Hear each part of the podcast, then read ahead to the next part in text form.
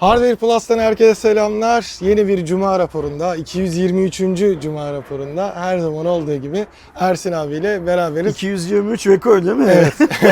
her hafta yeni bir rekor kırıyoruz Cuma raporunda. Ay çok güzel. Nasıl 200'den abi? sonrasını koyuver gitsin demiştik Hayır. ya. İyiyim sen nasılsın? Ben de iyiyim. Nasıl geçti haftan?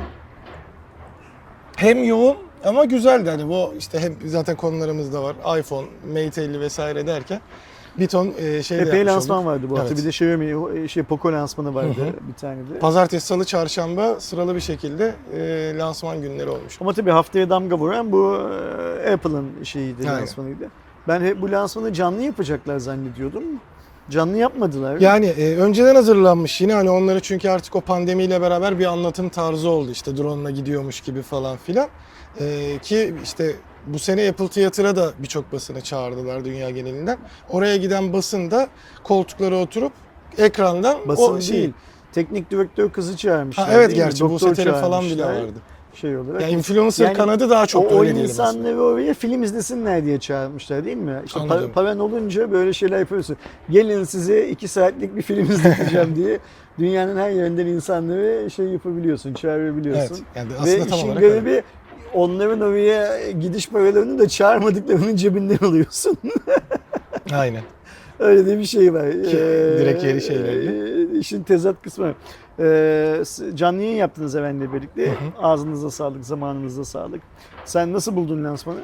Ya lansmanı nasıl buldum? Lansman güzeldi. Hani Apple'ın hatta o anlatım tarzı falan filan en azından sıkmıyor. Mesela e, bazı Çok lansmanlarda sıkılmadın mı? Yok gerçekten sıkmadı en azından. Çünkü o hani dinamikleri güzel oluşturuyorlar. Hem işte dediğim gibi o anlatım tarzı da bence insanları sıkmamak için iyi. Hareketli olması, anlattıklarını. Bir de sürekli birilerine pas atıyor olması ses tonlarının da değişmesini sağlıyor. E, tek kişinin anlattığı ya da maksimum iki kişinin anlattığı şeylerden daha güzel ama e, ürün bazına geldiğimizde bayağı bir şeyim var. Şu tek tek ürünleri konuşmayalım bence. Zaten kanalda bunun videosu var. Evet. Bir de herkes bilen biliyor artık değil mi meraklısı? Sen bize şeyi söyle. iPhone 14'leri beğendin mi onu söyle.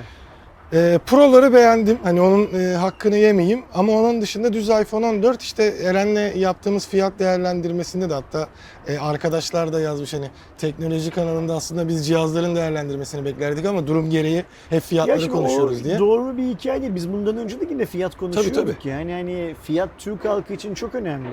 Bu sadece teknoloji segmenti değil, her şeyde çok önemli. Ayrıca bugün içinde bulunduğumuz durum şartlarda yani nedir o? Doların 20 liraya şey yaptığı, ne derler, merdiven dayadığı ee, ve daha bundan e, bir yıl önce 9 lira bile olmayan doların 20 liraya merdiven dayadığı, e, enflasyonun e, açıklanan rakamların bile en Evet. tepede olduğu, insanların marketten alışveriş yapmak yerine fiyatlara bakmak zorunda kaldığı dönemde e, herkes yani şöyle bir şimdi onu yazan arkadaşların şunu düşünmesi lazım. Hayatlarında bugün Türkiye'de yaşayan herhangi bir insanın fiyat dışında konuşmadığı bir şey var mı?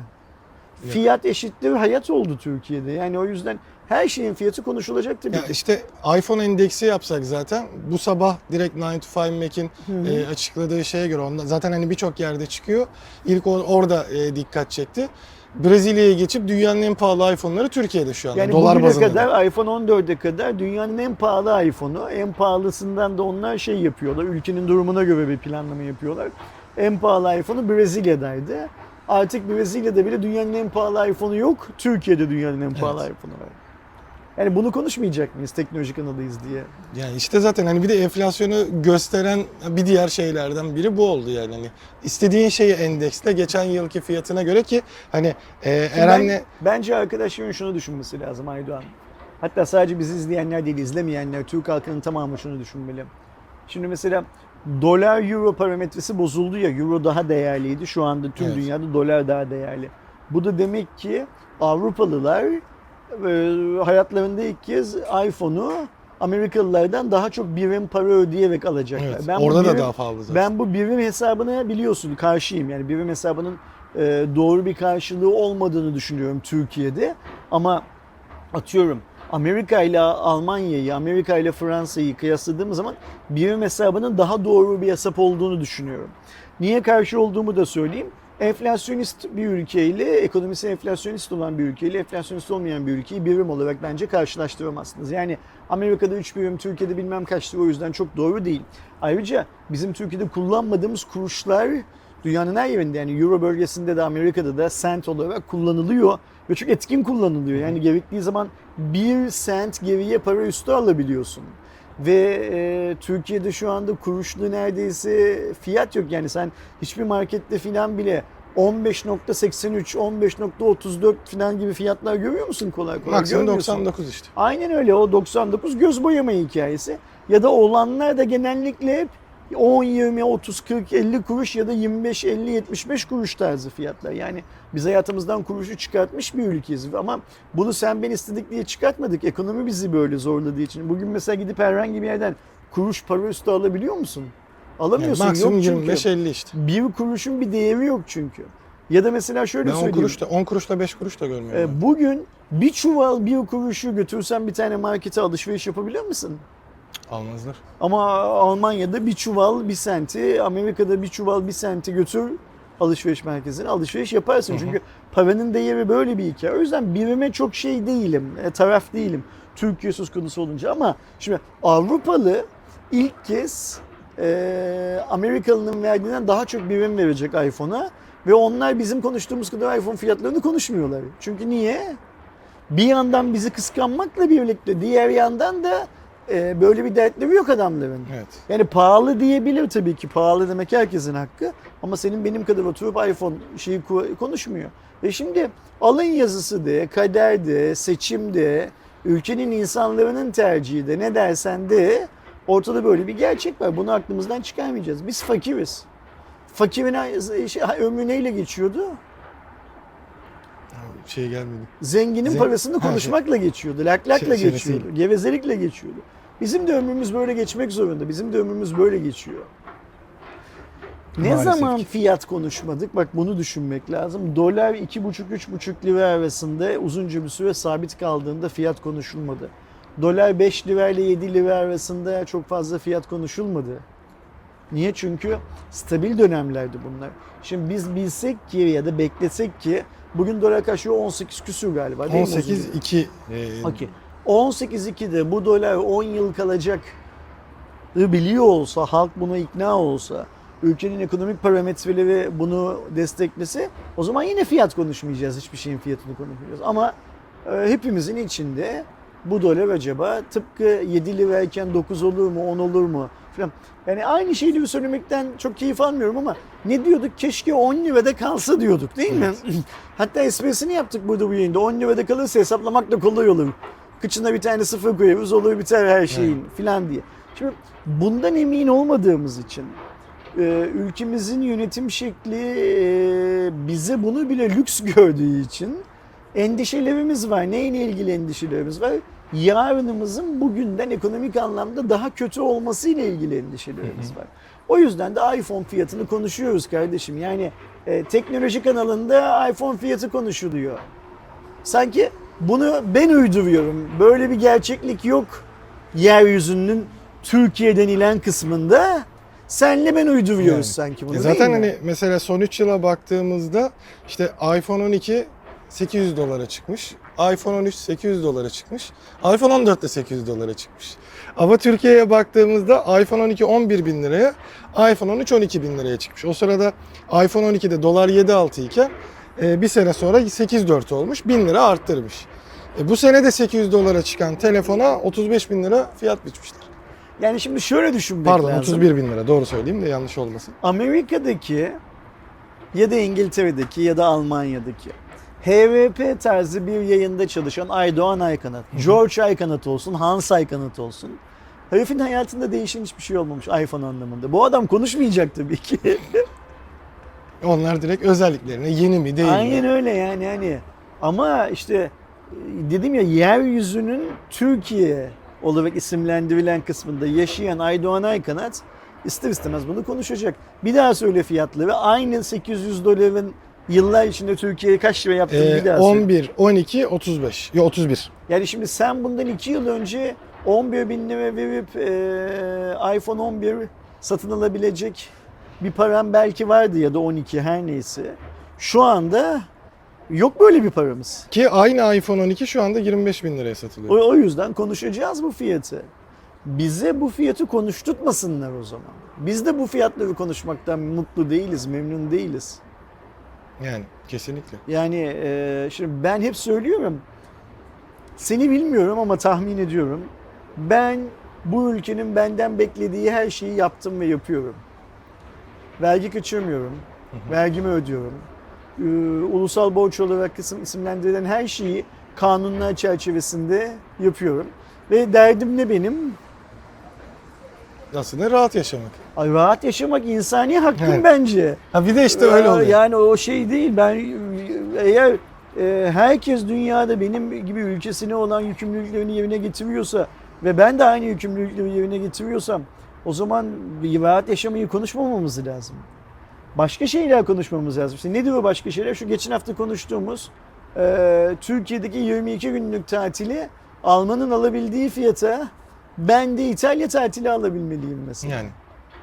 Canım istiyorsa. Canım istemiyorsa başka ülke tatili alabilmeliyim. Yani ya da mesela şu süreçte Ama işte Sar- şeye e, Bosna Hersey ve Sırbistan'a artık kimlikle giriş döneminin başlayacak olmasıyla yani Aa, ben görmek istiyordum.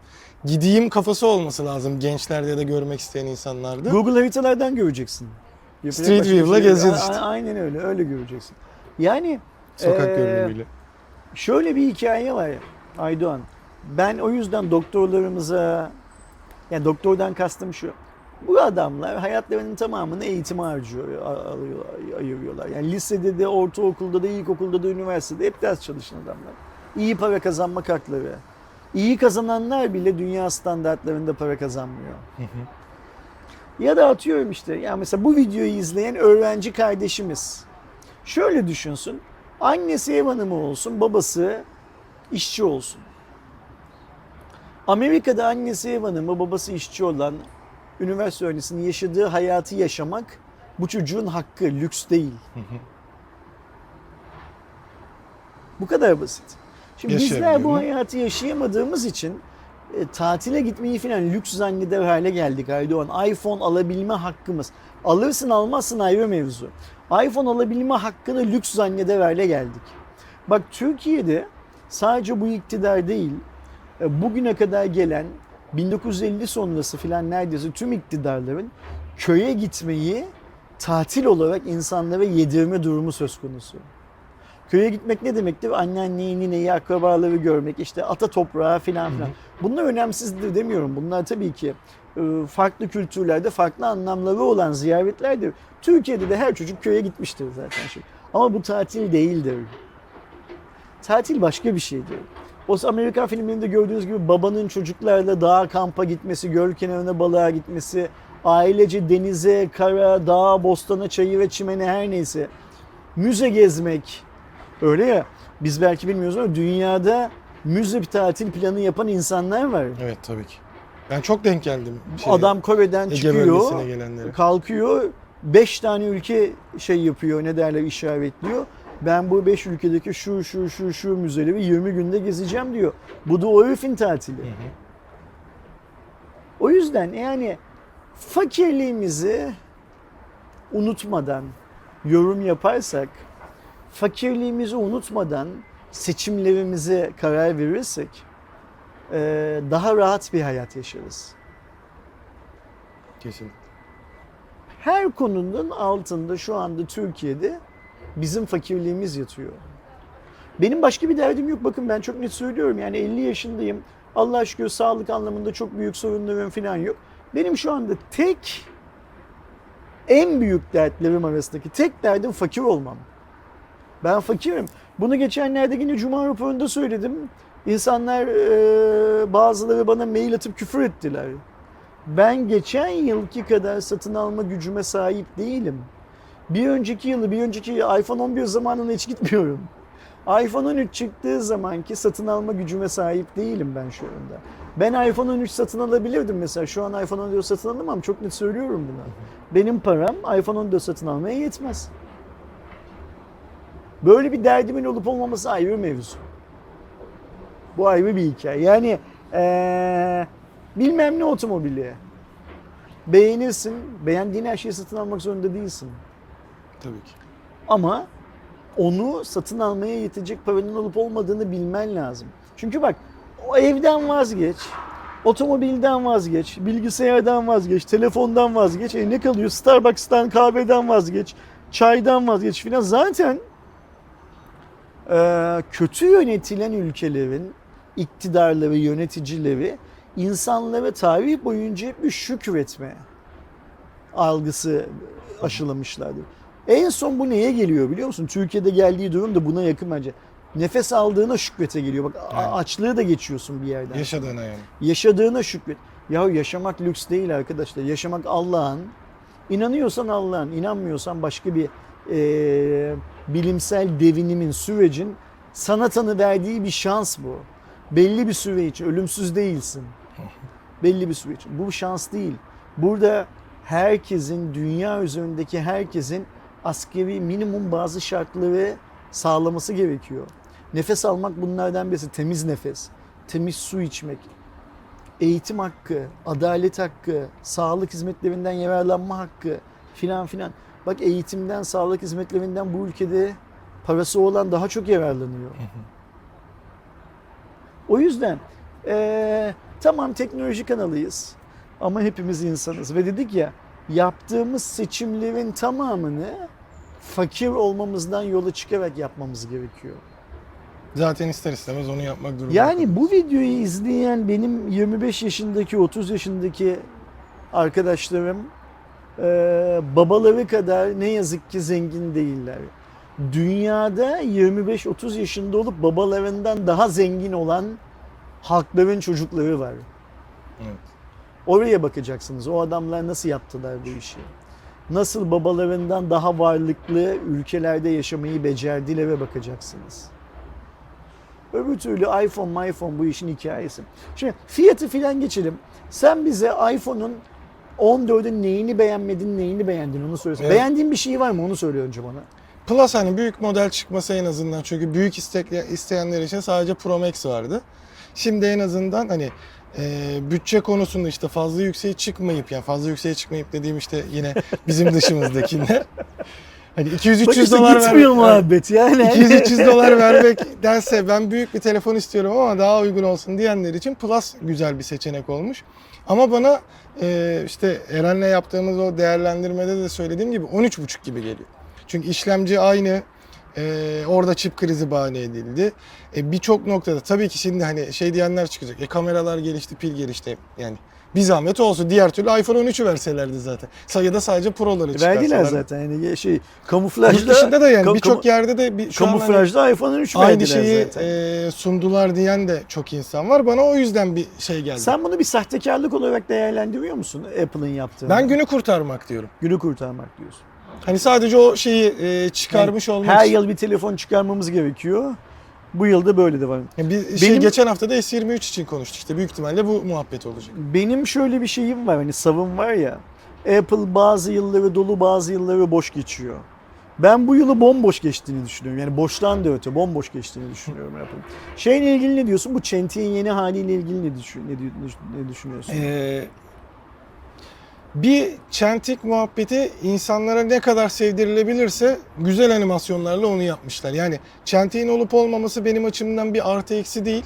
Ama tabii ki yukarıda ekranı teknik olarak büyümüş olması tabii ki Apple kullanıcıları ya da Apple kullanmayı isteyen insanlar için güzel bir şey ama e, Apple her zaman bunu yapabiliyor mesela. Yani normalde işte çentik gitmiş diyerek devam edeceğimiz bir konuda iPhone 14 Pro'nun oraya işte dinamik ada dedikleri, dinamik island dedikleri sistemle o şeyi çok iyi bir şekilde pazarlamayı başarmışlar. Gerçekten orada onu düşünen, planlayan, şu şekilde yapalım diyen animasyonlarında rol alan insanları tebrik etmek lazım. Sence bu teknolojik olarak e, bir yenilik midir?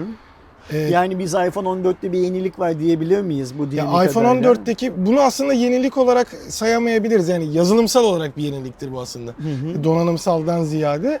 Ama hani e, iPhone 14'ün bence ne 48 megapiksellik kamerası hani gelişen sonuçta. Orada bir yenilik var.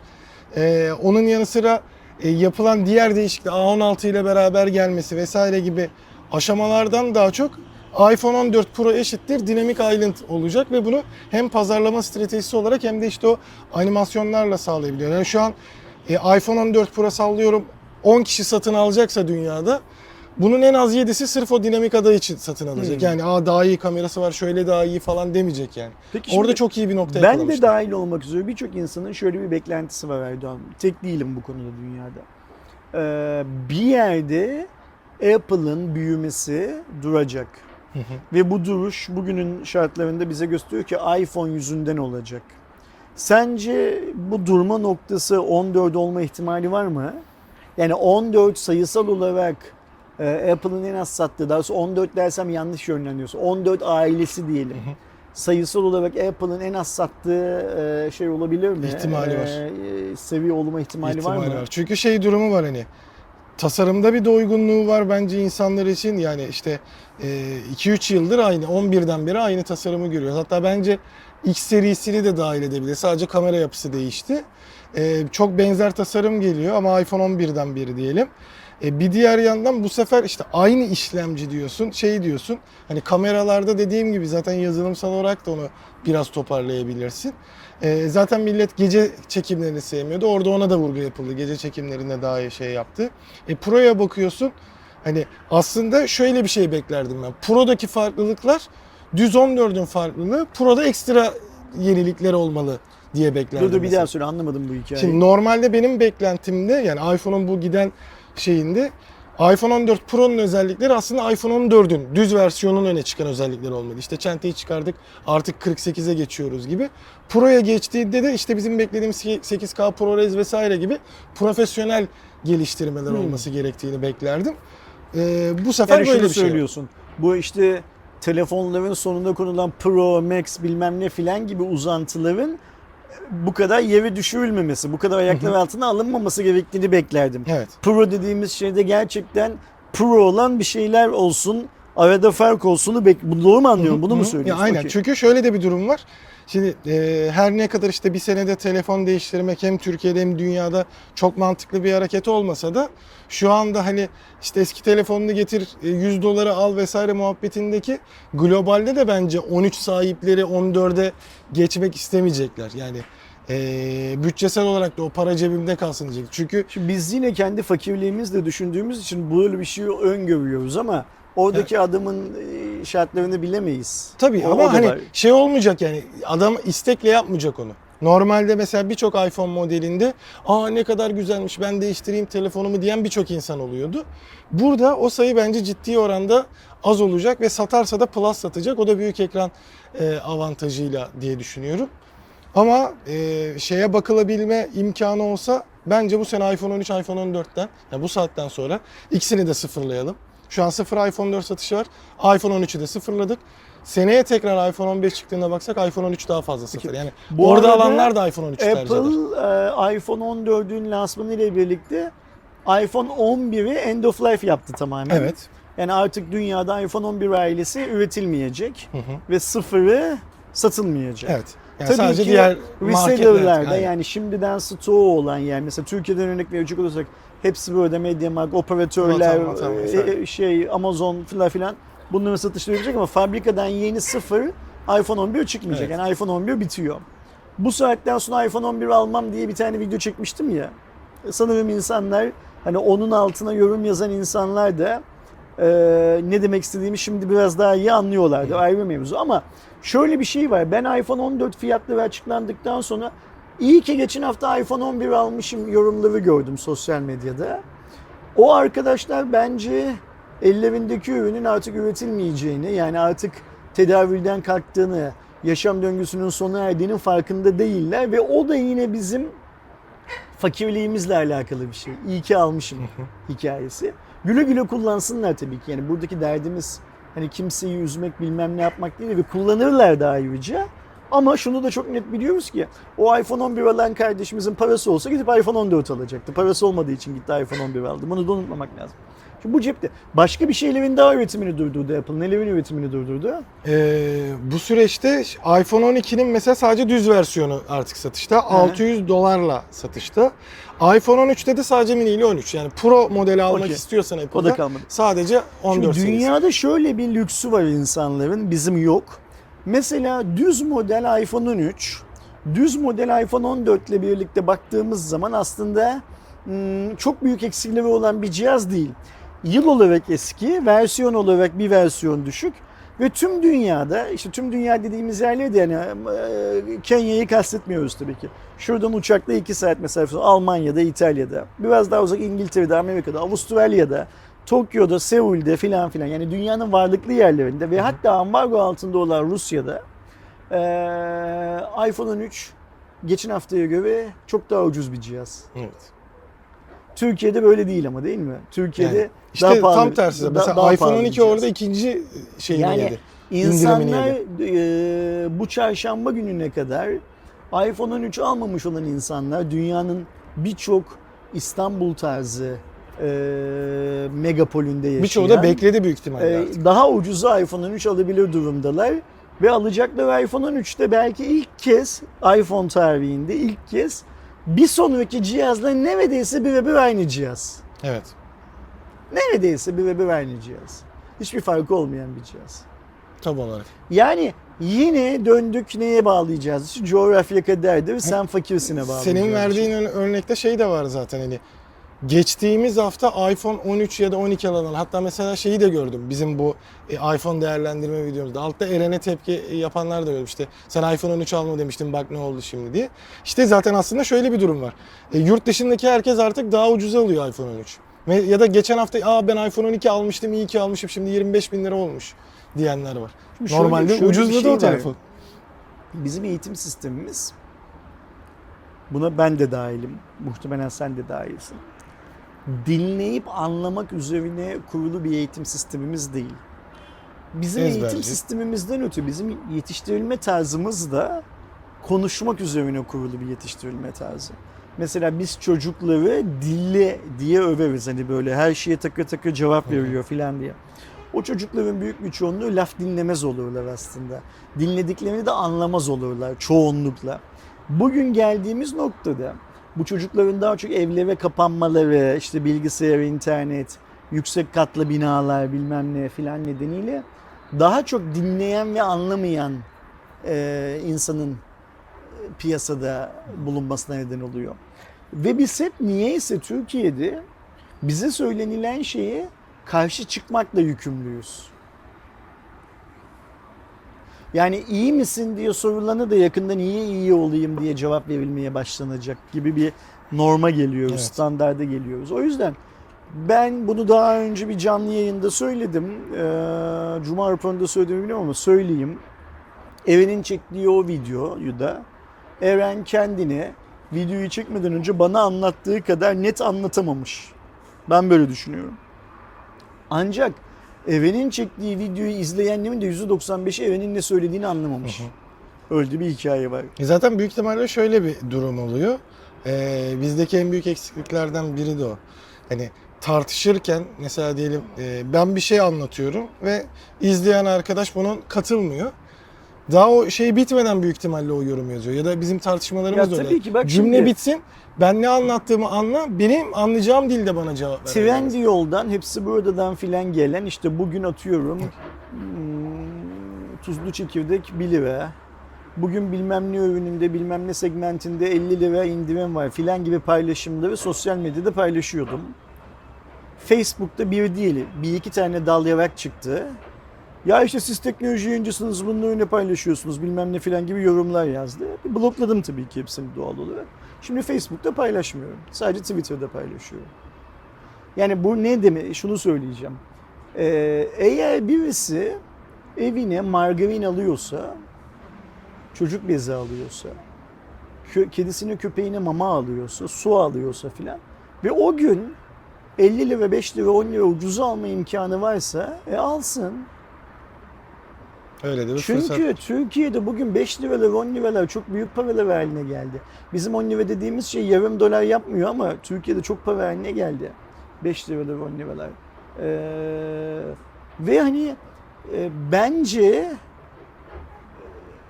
%50 indirimli çocuk bezi almak e, iPhone 14 paylaşımı yapmaktan bugünün Türkiye'sinde daha değerli.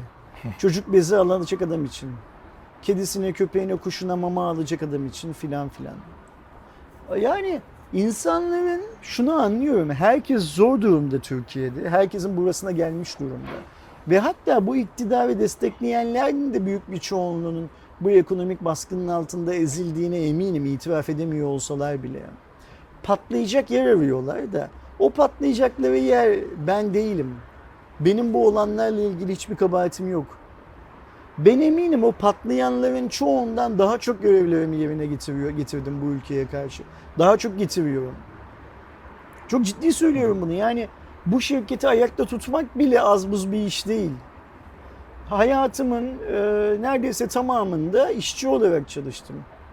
Ve maaşımdan daha çok vergi, ben daha maaşım cebime girmeden devlete ödendi. Tüm masraflarımdan bu devlet vergi aldı.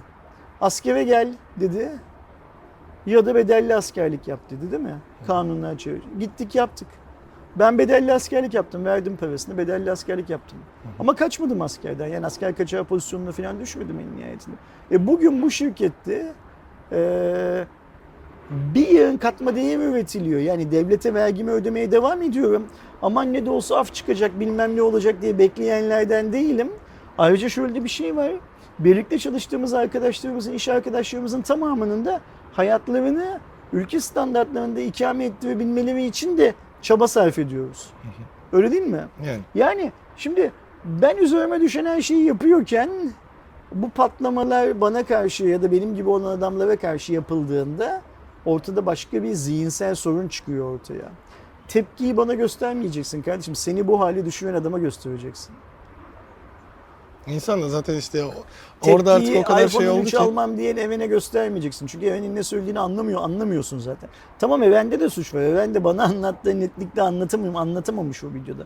Eyvallah ama işin şöyle bir gerçeği var. Başa dönelim. Alman bizi kıskanan, bizi kıskanmayan İngiliz ve Amerikalı geçen hafta aldıkları iPhone 13'ü bu hafta daha ucuza alıyorlar.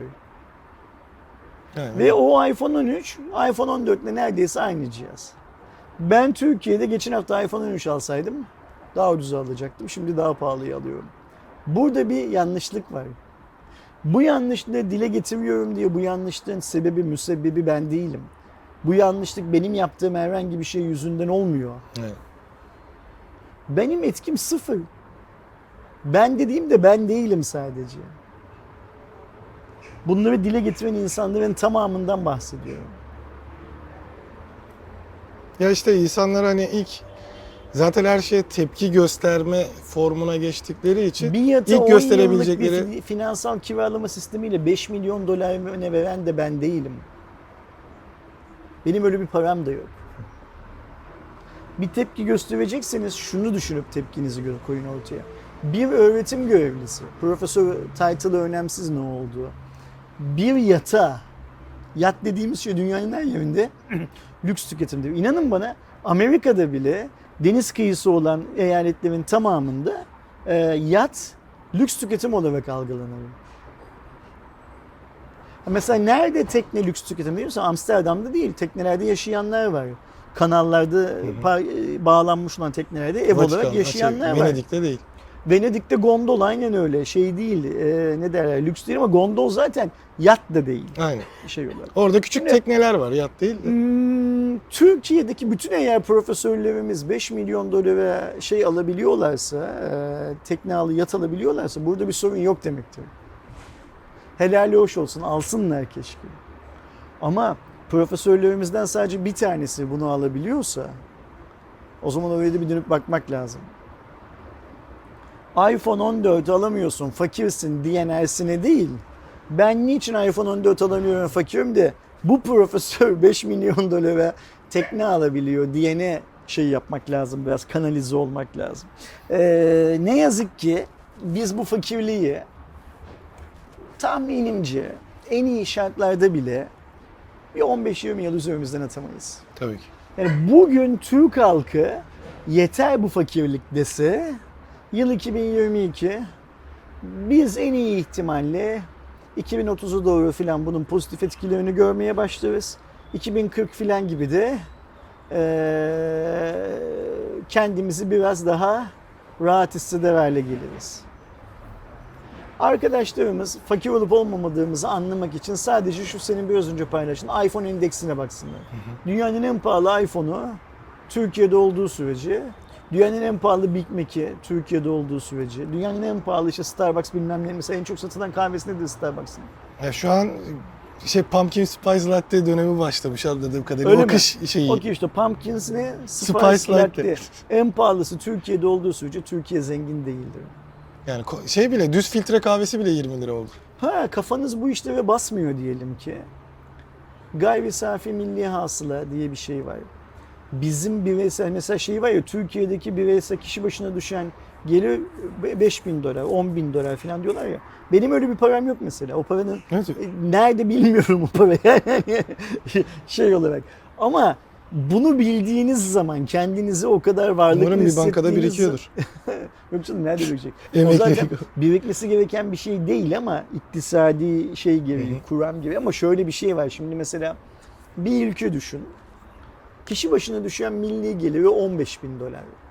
O insanlar 15 bin dolarlık hayatlar yaşayabiliyorlarsa o zaman bu doğrudur. Şimdi mesela bizde diyelim ki ben inan kaç dolar olduğunu bilmiyorum ama çok az olduğunu biliyorum Türkiye'de. Diyelim ki Türkiye'de 5 bin dolar olsun kişi başına düşen şeyimiz. Ee, sen kendini 5 bin dolarlık adam olarak görüyor musun? Ben de kendimi 5 bin dolarlık adam olarak görmüyorum. Bak iş bu. Şeyde. Şimdi 15 bin dolar ülke olan ülkedeki adam ben kendimi 50 bin dolarlık adam olarak görüyorum diyebilir. Zenginlik odur zaten. Yani. İş bu kadar. Şimdi bu yayını izleyen arkadaşlarımız reklam görüyorlar ve biz o reklamdan para kazanıyoruz ya. Mesela şimdi ben anlayamıyorum. Ee, beni sevmeyen birçok insan bana attığı maillerde buraya tele- telefon açıp küfür ettiği zaman suratıma bilmem ne filan filan benim sayemde para kazanıyorsunuz filan gibi bir söylemleri var ya. Ben de hep diyorum ki bizim YouTube'dan kazandığımız gelir bu binanın çay kahve parasına yetmiyordur diyorum ya şey olarak. Ulan siz kaç paralık adamsınız ki sizin izlediğiniz reklamdan bana düşen pay, pay çok olsun. Böyle düşünsün arkadaşlar. Şimdi Türkiye'de bundan 6-7 yıl önce kaba taslak 1 milyon izlenme bir YouTube videosunun 1000 dolara denk düşüyordu. Yayıncıya kazandırdığı para. Bugünlerde 500 dolar bile kazandırmıyor. Sen zengin olacaksın ki senin izlediğin reklamdan bana düşen pay da çok olsun. Hepimiz fakir olduğumuz zaman bu pay may filan bir şey yok ortalıkta. Aynen. Bunu anlaman lazım. Ayrıca şöyle bir şey var. Ben Netflix değilim, ben işte Puhu değilim, Blue beni öde izlemek için bir para vermiyorsun bana. Aslında ben parayı kendim tırmalıya tırmalıya kazanıyorum. Yani ne yapıyorum? Burada her gün iki tane video yayınlatmaya çalışıyorum, yayınlamaya çalışıyorum. Para kazanalım, yayıncılık yapalım, karşılığında para kazanalım diye. Öyle değil mi? Bunu yaparken de 55 bin tane kendi içinde kuralımız var. Yavşaklık yapmayacağız diyoruz değil mi? Ne izleyiciye ne herhangi bir marka. Aynen öyle. Yalan söylemeyeceğiz diyoruz değil mi? Şeffaf olacağız. Böyle iddiatlarımız var. Salak salak böyle şaşırmayacağız bir şeylere. Bir tane iPhone kutu açılışı yaparken etrafında çiftleşmeye hazır maymunlar gibi hoplayıp zıplamayacağız diyoruz. Bunları yapanlar var zaten. Biz bunlardan olmayalım diyoruz değil mi? Ve tüm bunları yaparken de para kazanalım, işimize devam edelim diyoruz değil mi? Apple Ersin'i sevmiyormuş, sevmesin. Apple'a Hardware Plus'a cihaz göndermiyormuş, göndermesin diyoruz değil mi? Samsung Ersin'i mahkemeye veriyormuş, versin diyoruz değil mi? Ne olursa olsun. Biz kendi bildiğimiz işi yapmaya devam edelim diyoruz. Bu şeyde, piyasada bakın, çok net söylüyorum bunu. Hardware Plus'a e, test ürünü göndermeyen yayınların tamamı, pardon markaların tamamı şu biraz önce saydığım şeffaf olalım, şaklabanlık yapmayalım, yavşak olmayalım filan filan maddelerinden rahatsız olan adamlardır. Rahatsız olan markalardır. Mesela ben şeyi anlam veremiyorum. Biz Türkiye'de teknoloji yayıncıları olarak niye mesela operatörlerle bu kadar içi dışta olmak zorundayız? Sen Amerika'daki teknoloji yayıncıların, İngiltere'dekilerin, Almanya'dakilerin falan oradaki operatörlerle herhangi bir şeyler yaptıklarını falan görüyor musun? Yani rastlamadım hiç. Türkiye'de para operatörlerde diye operatörlerin önünde takla atan yayıncılar var mesela. Operatörlerle aralarını iyi tutmaya çalışıyor. Operatör dediğimiz kurum iyisiyle kötüsüyle bizim hayatımızı haraca bağlayan kurumdur arkadaşlar. Her ay para ödüyoruz o adamlara. O adamlar bizim dostumuz değiller. Bunu unutmayalım. Çok ciddi söylüyorum. Operatörlerin tamamı e, 10 abonesi olan da 10 milyon abonesi olan da kapitalizmin süvarileridir. Ve tek dertleri bizi soymaktır. Başka hiçbir dertleri yoktur. Bu adamların hiçbirisinin yatırım yapmak bilmem ne filan gibi bir arzusu da yoktur. Kanunlarla onlara yatırım yapmak zorlanabilir ancak. Yapıp yapmadıklarını, yatırım yapıp yapmadıklarını kontrol edecek de irade lazımdır. O yüzden mesela ben istiyorum ki biz teknoloji yayıncılığı yapıyoruz. Bir başkası yemek yapsın. Bir başkası turizm yapsın. Biz teknoloji yayıncısı olarak Apple'ın, Samsung'un bilmem neyin parmağında oyuncak olmayalım. Yemek yayıncısı olan da işte atıyorum margarincinin, tereyağcının, mercimekçinin, e, turizm yayıncısı olan da ETS turunun, Türk Hava Yolları'nın bilmem nenin parmağında oyuncak olmasın. Herkes yayıncılık yaparak hayatını şey yapabilsin, ikame ettirebilsin. Ama şöyle bir hikaye var. Ee, fakirsin ve bu saydığımız markaların tamamı senin cebindeki parayı almakla görevliler aslında bir şekilde. O yüzden malzeme bu. Evet. Malzeme bu. Yani şunu şöyle yapsanıza diyorlar ya bize. E sen yap o zaman. O kadar. Mesela işte bana buraya telefon açıp telefonda başı milletinin ya kapatamıyorsun da kibarlığından. Ya bisiklet git de diyemiyorsun bir yerden sonra. Akıl verenler var mesela. Ya bu, bu konuyla ilgili bu kadar fikrin varsa sen yap kardeşim. Tamam. Hatta gel bana de ki Ersin ben böyle böyle bir şey yapacağım. Gel bu işi seninle ortak yapalım de. Eğer ben senin yapacağın işte herhangi bir başarı şeyi görürsem, şansı görürsem mutlaka sana yardımcı olmaya, mutlaka sana ortak olmaya çalışırım. Bu ayrı mevzu.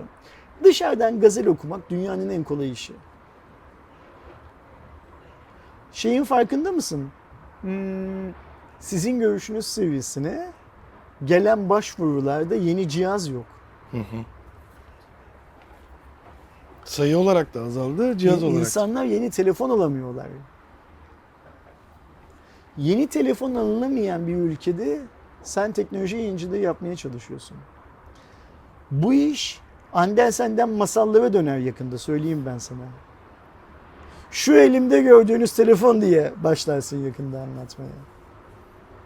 Büyük ihtimalle. İşin doğası gereği böyle. Son sözü söyleyelim iPhone'la ilgili. Bir sonraki haberimize geçelim. Anladığım kadarıyla ikimiz de iPhone 14'ün çok da matah bir cihaz olmadığını düşünüyoruz. Evet yani beklentimin altında Sen, kaldı. ben bunu bir sahtekarlık, bir aldatmacı olarak tanımlamayı tercih ederim kendimce. Yani derim ki Apple'ın iPhone 14 aldatmacası derim bu hikayeyi. Sen biraz önce ne dedin ben bunu sana sorduğumda? Ee, şey nasıl diyeyim? Aslında nadasa çekmek gibi bir şey oluyor orada. Günü kurtarmak. Günü kurtarmak değil mi? Seninki böyle kulağa daha hoş geliyor. Benimkine nazaran. Sen de diyorsun ki iPhone 14 ile Apple günü kurtarıyor. Evet, zaman Diyorsun. kazanıyor. Zaman kazanıyor. 15'e hazırlanıyor şey anı. Çünkü niye? Zaten işte bu çip krizi, bok bir sürü filan e, yeni bir şey üretmek konusunda onların da elini kolunu bağladı. Ama tabii pas geçemiyorlar aynı Hı hı. şey. Aynılarınız haklısın. Geçen hafta Samsung'da konuştuk şey yaparken. E, alacak olan arkadaşlara, dünyanın her yerinde alacak olan arkadaşlara şimdiden hayırlı olsun. Güle güle kullansınlar. iPhone'un 3'üm var diyen de hani e, Kırkpınar'da şeyler ya üstteyim diye evin mi alttayım diye bilmem ne yapma filan diye. iPhone'un 3'ü ay 12'si 11 olan arkadaşlar da dert etmesinler kendilerine çok fazla. Ee, iyi cihazlar kullanıyorlar. Biz eğer 14 ailesinden bir şeyler alabilirsek mutlaka kendimizce incelemelerini yaparız. Mutlaka Türkiye'deki diğer yayıncı arkadaşların Apple'dan korktukları için ya da diğer kıyaslama yaptıkları markalardan korktukları için yapamadıkları kıyaslamaları filan filan da yaparız. O kendi gözümüzle hangisinin daha iyi fotoğraf çektiğini bilmem ne filan filan göstermeye çalışırız ki dün itibariyle zaten e, henüz videolar yayınlanmasa bile iPhone verilen e, yayıncıların kıyaslama yapmaya başladıklarını da en azından sosyal medya paylaşımlarından görüyoruz. Yakında onlar da çıkar ortaya. E, birebir kıyaslamalardan bahsediyorum. Çıkar ortaya.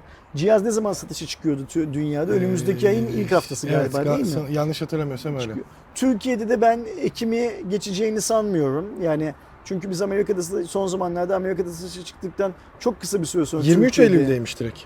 Türkiye için mi? Aynen. Ya globalde de öyle. Ha aynı anda çıkacak. Yani Okey, işte tamam. ba- bazı demek, bölgelerde tabii ki hemen çıkıyor. demek ki e, Ekim'e bile kalmadan e, Aynen. cihazı Türkiye'de görmeye başlarız. Hayırlı olsun herkese. Tüm Apple severlere, tüm iPhone kullanıcılarına, tüm alacak olanlara, tüm almak isteyip de alamayacak olanlara dünyada diyelim. Ve haftanın ikinci büyük lansmanı olan Huawei'nin Mate 50'nin Çin'de yapılan Çince lansmanına geçelim. Evet. Senin de Çincin epey iyiymiş şeyden gördüğüm kadarıyla. Lansman canlı yayınından gördüğüm Gitgide gelişiyor. Böyle böyle aslında Mesela size sıfırın ne demek olduğunu öğrendin değil mi? 8'i biliyorum. 8 mi neydi Ba. o? Ha? Ba. Ba. Ha okey tamam işte. 8'den başladın en Aynen. azından. En azından 8'i söyleyebilir ve genellikle hep 8 ile ilgili şeyler döndüğü için e, o da en azından işime yarıyor. ya da sen bir tek onu bildiğin için onu Evet, evet. anlıyorsun. E, Richard Yule'un sahne aldığı e, lansmanda Mate 50 serisi çıktı. Mate 50 serisi dediğimiz seride Mate 50, Mate 50 Pro, Mate 50 RS yani Porsche Design bir de e, Mate 50 E modelleri var. E, baktığımızda Mate 50 6.7 inçlik OLED bir ekrana sahip 90 Hz tazeleme hızı sunuyor.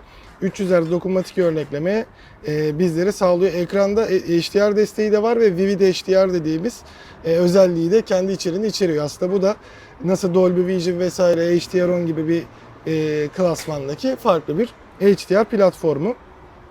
Pro modeline baktığımızda e, 120 Hz bir tazeleme hızı bize sağlıyor. Bu önemli bir artısı var. E, ve 3 boyutlu aslında spektral görünüm yani 3 boyutlu görünüm değil de renk dengesinin daha geniş, daha da uygun olduğunu görmekteyiz. E, bir diğer yandan e, çentik dediğimiz e, yapılar burada da mevcut ama kamerada iddialı bir telefon görüyoruz. Çünkü e, artık Leica Huawei'de yok. Huawei'nin kendi Ha, geliş- layık olmadığı için mi iddialı? yani kendi başına da iddialı bir şekilde devam Hmm. ediyor. Okey. Öyle demek daha doğru.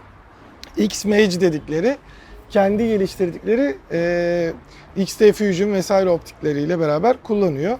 Mate 50'de e, 13 megapiksellik geniş açılı kamera, 100x e, zoom yapabilen 12 megapiksellik periskop lens tabii ki bu dijitalle beraber e, 100x yapıyor. Şeyi de düzeltelim bu arada biz orada 200x diye bahsettiğimiz durum e, arkadaşlar da uyarmış bizim Mate 40 değerlendirmesinde 0.5'ten 100'e 200x kat olduğu için öyle bir değerlendirme yapmış e, lansmanda 100x'e kadar çıkabilen bir zoom'umuz var. 50 megapikselde ana kamera bizlere sunuyor. E, Pro ve RS'te ise e, megapiksellerde 50 megapiksellik ana kamera, 64 megapiksellik periskop e, ve 13 megapiksellik ultra geniş açı bizlere sağlıyor. Burada yeni teknolojileri mesela görüyoruz.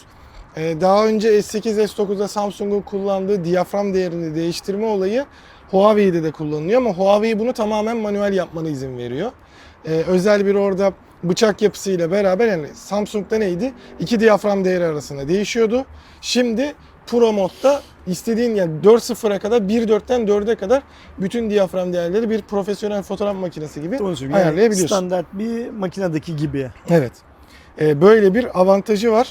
Ee, işlemciye baktığımızda 8 Plus Gen 1 var. Yani burada şaşırdığım nokta kullanılabiliyordu durumu. Hani niye mesela XS2'de en azından 8 Gen 1'e vesaire e, planlanmadı. Onu ayrıca öğrenmek lazım. E, Mate 40e ise 778G'yi kullanıyor. Yani Mate 40e aslında Mate e, 50 pardon. Mate e, 50 Lite modeli gibi düşünülebilir. E, renkler gayet güzel. Turuncu rengi çok güzel. Önemli artıları yani önemli durumlardan biri Türkiye'ye gelecek. Gelecek mi? E, Pro modeli özellikle e, bekleniyor. E, ve e, fiyat bazında da Ne baktığımızda zaman geleceği konusunda herhangi bir bilgi alabildin mi? yani yakın zaman şu anda net bir Öyle mi? tarih yok ama hani en azından Okey. çünkü Yakın zaten hep yakın getiriyor O- Huawei. o- ama şimdi Ekim'de görürüz herhalde. ya- Yakın diyorsun son telefonda o kadar yakın getirmedi. Onu da unutmamak lazım. Hmm, gerçi Yani. evet biz ya ama o globale çok yakın gelmedi. Okey. Şimdi buradan şöyle mi düşünmek lazım? Yılbaşına kadar sence bu geliyor mu? Öyle mi anlıyorsun? Ee, ben öyle anlıyorum Okey, ama tamam. süresini şuradan tahmin edebilirim. Global lansmanı yapılsın çünkü şu an Çin lansmanı var. Yani Hı hı. cihaz sadece Çin'e özel. Global lansmanı yapılsın. Global lansmandan sonra bence maksimum bir ay sonrasında İyi, hadi hadi olur. hayırlısı diye. İnş, Yani yakında bir inşallah. global lansman duyarsak bence böyle bir şey olur. Ee, tabii ki şeyde olduğu için, Çin'de olduğu için HarmonyOS 3.0'la beraber geliyor. 3.0'ın kutudan çıktığı ilk telefon yanlış bilmiyorsam. Hani güncelleme alanlar vesaire vardı ama tabii Türkiye'ye gelirse o EMUI 13 olur büyük ihtimalle. Fiyat bazına baktığımızda ee, 933 718 dolar, ee, 790 dolar, 933 dolar ve 962 dolar gibi gitgide artıyor. Tabii burada deri ve şey Şimdi versiyonu var ama burada- deri galiba Çin'e özel olacak. Huawei iPhone'dan önce lansman yapmasına rağmen e, Mate fiyatları ile iPhone fiyatları arasındaki korelasyonu tutturmuş gibi görünüyor. Hı hı. Yani şey yapmamış. E, hani dünyada bir beklenti vardı ya Apple çok daha yukarıda fiyat açıklayacak filan diye. Huawei fiyat konusunda coşmamış. Evet şeyde. ikisi de coşmamış hatta. Hani Apple mesela Pro Apple modelleri dedi. hep zam bekliyorduk Hı hı. gelmedi. İşte onu Ee, söylüyorum. Apple ne de olsa yapacak diye daha yüksek fiyat açıklamamış. Kendisiyle Mate'le çünkü dünyada biz Mate lansmanlarını hep Apple lansmanıyla eş zamanlı görürüz ya.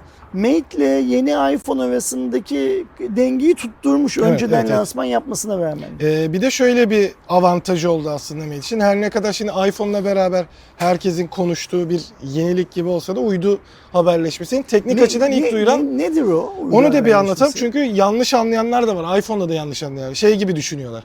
Benim telefonum çekmiyorsa ben uydu haberleşmesi. Yok o birazcık daha e, işte Amerikan başkanı, Türkiye Cumhurbaşkanı gibi hani üst seviye insanları kullanabilir. Işınla beni stoki, şey, Scotty benim muhabbeti yok. olacak o yani. Şöyle bir durum var yani teknoloji olarak evet hatta bence şey de olacak yani e, Huawei ve Apple'dan gördükten sonra seneye amiral gemi cihazlarının artık ekstra bir özelliği olacak gibi. Ne işimize yarıyor bu bizim? Diyelim e, dağa gittin işte e, bilmediğin bir yerdesin yurt dışında hiçbir şeyden anlamadığın böyle arazide bir yerdesin telefonun çekmiyor.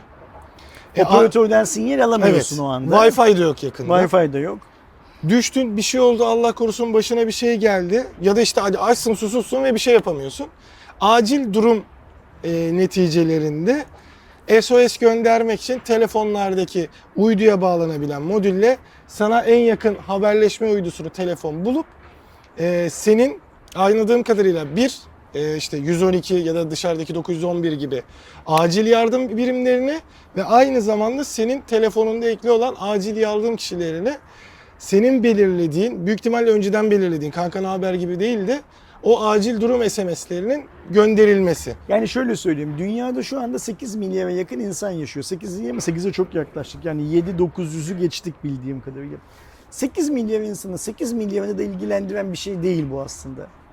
Ben ne diyorum mesela ekstrem Mesela be- sporcular. Beni hiç ilgilendirmiyor. Benim yakın çevremdeki hiç kimseyi de hiç ilgilendiriyor. Yani bu aslında öyle ne Huawei'nin ne Apple'ın biz yaptık diye bir adım öne çıkabileceği bir hikaye değil. Ben daha önce verdim diye, ben ikinci oldum falan diye E, de tabii ki.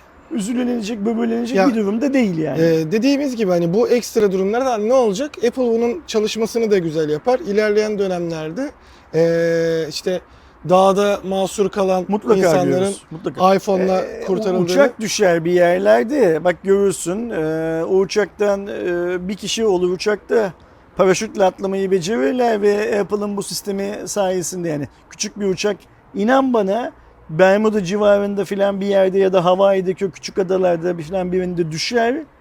Birisi kurtulur. Pilot vardı uçakta zaten. Ve pilotun yanında da iPhone 14 Pro'su vardır kesinlikle. Ve iPhone 14 Pro'su sayesinde pilot kurtulur. Biz bunu önümüzdeki 6 ay içinde kesin bu senaryoyu E, okuruz. şey de duyacağız ama bu bence güzel bir özellik olmuş. Aslında hani öyle aşırı yenilikçi bir özellik değil de kazayı algılama yeni e, saatlerde ve iPhone'da olan jiroskopunu kullanıp bunu yapabilmesi güzel. Çünkü hani Allah korusun bir gerçekten tek başına yapabildiğin kaza anında ki Apple orada şeye vurguluyor. Amerika'daki kazaların çoğu tabii ki orada bizde şey gibi değil ya. Sen buradan Ankara'ya giderken e, Kaza boş bir yer şey görmüyorsun. Trafik kazası değil Evet, mi? evet. Kötü olan. E, Başka bir kaza değil yani. Ekmek keserken parmağını Ha, yok hayır. falan Trafik değil. kazalarını bahsediyor. Trafik kazalarının çoğu işte o eyaletler arasındaki yollarda tek başına olan sürücülerde genellikle oluyormuş. Çünkü o algı farkını da anlatmak lazım. Hani gerçekten mesela ben Aydınlıyım. Buradan Aydın'a giderken boş bir yer bulmuyorum zaten. Hani her zaman bir yerleşim yeri oluyor ama Amerika'da gerçekten eyaletler arası Çok giderken büyük. çok geniş arazilerde bomboş yollar görüyoruz. Dizilerden, filmlerden gördüğümüz gibi. Bu tarz durumlarda da Allah korusun senin yaşadığın bir kazada ya, arabanın kontrolünü kaybettin, takla attı bir şey oldu. Bu tarz durumlarda haber vermesi açısından e, SOS özelliğinin gelmiş olması güzel. Bence bu her cihaza da gelmeli. Hayatı kolaylaştıran Evet. bir teknoloji bu. Daha doğrusu insanın hayatından yola çıkarak hayatı daha nasıl kolaylaştırabiliriz diye düşünülmüş bir şey. Güzel bir şey Evet. kabul etmek lazım. Çünkü o kaza anında işte dediğimiz gibi hani sen bilincin kapanmış olabilir, bir şey olmuş olabilir. Acil Telefonuna yardım gelmesin. ulaşamıyor olabilirsin. Telefon o sırada arabanın içinde koltuğun altına, arabanın Tabii ki. camından dışarı bir yere falan gitmiş olabilir. Aynen. Bunların hepsi olası şeyler. Hani bu tarz durumları e, kurtaran bir durum. Gelmesi Yeter ki tabii telefon ki çalışıyor olsun. Aynen tabii ki. Telefonun e, şeyi durması lazım. E, Mate 50 serisini de işte dediğim gibi e, ilerleyen dönemlerde globalde de görürüz. E, Türkiye'ye hangi modeller gelir onu şu an için bilemiyoruz. E, ama yani büyük ihtimalle yine tek Pro modelini vesaire görme imkanımız var. Ben bir de sadece mesela e, Eren'le de konuştuğumuzda Eren düz Mate 50'nin de gelmesinin iyi olacağını söylüyor. Çünkü artık fiyat dengesi önemli bizim için. Ben e, light modellerini Türkiye'de hani bu ekonomiden de bağımsız bir şekilde sevildiğini bildiğim için Mate 50'nin de gelmesini ha, bekliyorum. 50'nin de gelmesi. Ben de onu soruyorum. Sence 50'ye gelmez Ya ben mi? bekliyorum. Okey. Ya gelmesini isterim de aynı zamanda. E, böyle bir e, sistemi var. Bence Nova 9'u ve Nova, Nova 9 SE'yi peş peşe piyasaya çıkartan Huawei 50E'yi Huawei Türkiye 50E'yi pas geçmez. Yani daha öncesinde büyük ihtimalle 10 serisini görürüz tabii şeyde e, m, İFA'da Hı hı. tanıtılan. Onları da bir görelim ama yani Mate, Mate 50 serisi de tabii ki fiyat olarak artık hani 30 bin liranın üzerisine çıkacaktır. Çünkü hani işte düz mantık yaptığımızda en ucuz iPhone'la aynı fiyata alınabiliyor Mate 50'nin e, 828'i 30 bin liradan başlar. Daha uygun, daha şey bir modele geldiğimizde Redmi 10C modeli de Türkiye topraklarında üretilerek buradaki e, Xiaomi'nin Salcom'la e, oluşturduğu fabrikada üretilerek satışa çıktı. Fiyatları 4.64'ü 4699, 428'i 5000 lira. Buradan şeyi de 4999 yani 5 milimetrenin altında kalsın diye Ama şunu anlıyoruz. Artık giriş seviyesi Redmi 10 yani bu C50 vesaire seriler giriş seviyesi. Şimdi özelliklerini de söyleyeceğim. Giriş seviyesiler 5000 liraya çıktı arkadaşlar. Geçmiş olsun. E, hatta daha yeni Ersin abiyle konuştuk listeleri e, yenilesek mi diye. Çünkü aslında çok daha yakın zamanda çıkarmış olsak da ama fiyatlar son düşün. bir ay içerisinde Dolar çok kaç lira dedin? 18. 18,2. 18,2. 100 dolar 1820 lira yapıyor zaten. 200 Çıplak. dolarlık cihazları Heh. düşündüğümüzde. İ- bir 200 dolarlık cihaza çıktığın zaman zaten 4000 liraya yakın o yapıyor. 3600 3700 lira civarında bir şey yapıyor. Bir de bunun E vergisi bunun var. vergisi, navlunu, ıvırı zıvırı filan filan. O yüzden 5000 lira işte yeni Türkiye böyle bir Türkiye. Evet bu arada 4000 liralık cihaz yurt dışında 100 dolarlık bir cihaza falan tekabül ediyor. 100-150 dolar arası. Aynen öyle. Yani Hani- böyle bir durum Ve var. artık liste yaparken 5000 liraya kadar diye bir segment yapmak mümkün bile değil. Çünkü 5000 liranın altında telefon bulmak Türkiye'de Ya e, imkansız daha neredeyse. çok yakın zamanda e, komşumuz benden bir e, telefon rica etmişti annesi için hani Aydoğan biliyorsun bu işleri. Biz bir iki ürün seçtik ama sen ne önerirsin diye konuştuğumuzda o 6 bin liraya kadar falan demişti. Ben de dedim ki abla o kadar çıkmana gerek yok hani 4 bin lira bandına da günlük kullanım için buluruz dedim. Aradan birkaç gün geçti girdim epeye baktım. Sonra 5 bin liralık bir cihaz öderdi. Geçtiğimiz gün e, iki farklı arkadaşım e, biri telefon sordu, biri Realme 8 almak istediğini söyledi. E, ikisine de yani onun mesela biri 6000 bin lira olduğunu bilmiyormuş. Ya 5000 bin liraya en iyi telefon sence bu mu? Hala aynısını mı düşünüyorsun? Bu süreçte bir iki cihaz daha çıktı dedi. Evet dedim hani. Ya o ya da şey olarak e, Samsung ürünlerini seven bir görürsen A23'ü tercih edebilirsin. Yeni kullandım. Güzel cihazmış e, konusunu çevirdik ve 6000 lira olduğunu fark ettik. Böyle bir durum var. Redmi 10C'ye döndüğümüzde 6,71 inçlik e, 720 piksellik HD Plus bir IPS ekranı, Snapdragon 680 işlemcisi, 4 GB RAM, 64 128 depolama, 50 megapiksel ana, 2 megapiksel yardımcı kamera, 5000 mAh bataryayı 18 Watt hızlı şarjla destekliyor. E, FM radyo özelliği de var. Bunu özellikle giriş seviyesinde çok sorun oluyor. Ama burada şeyi de fark ediyoruz.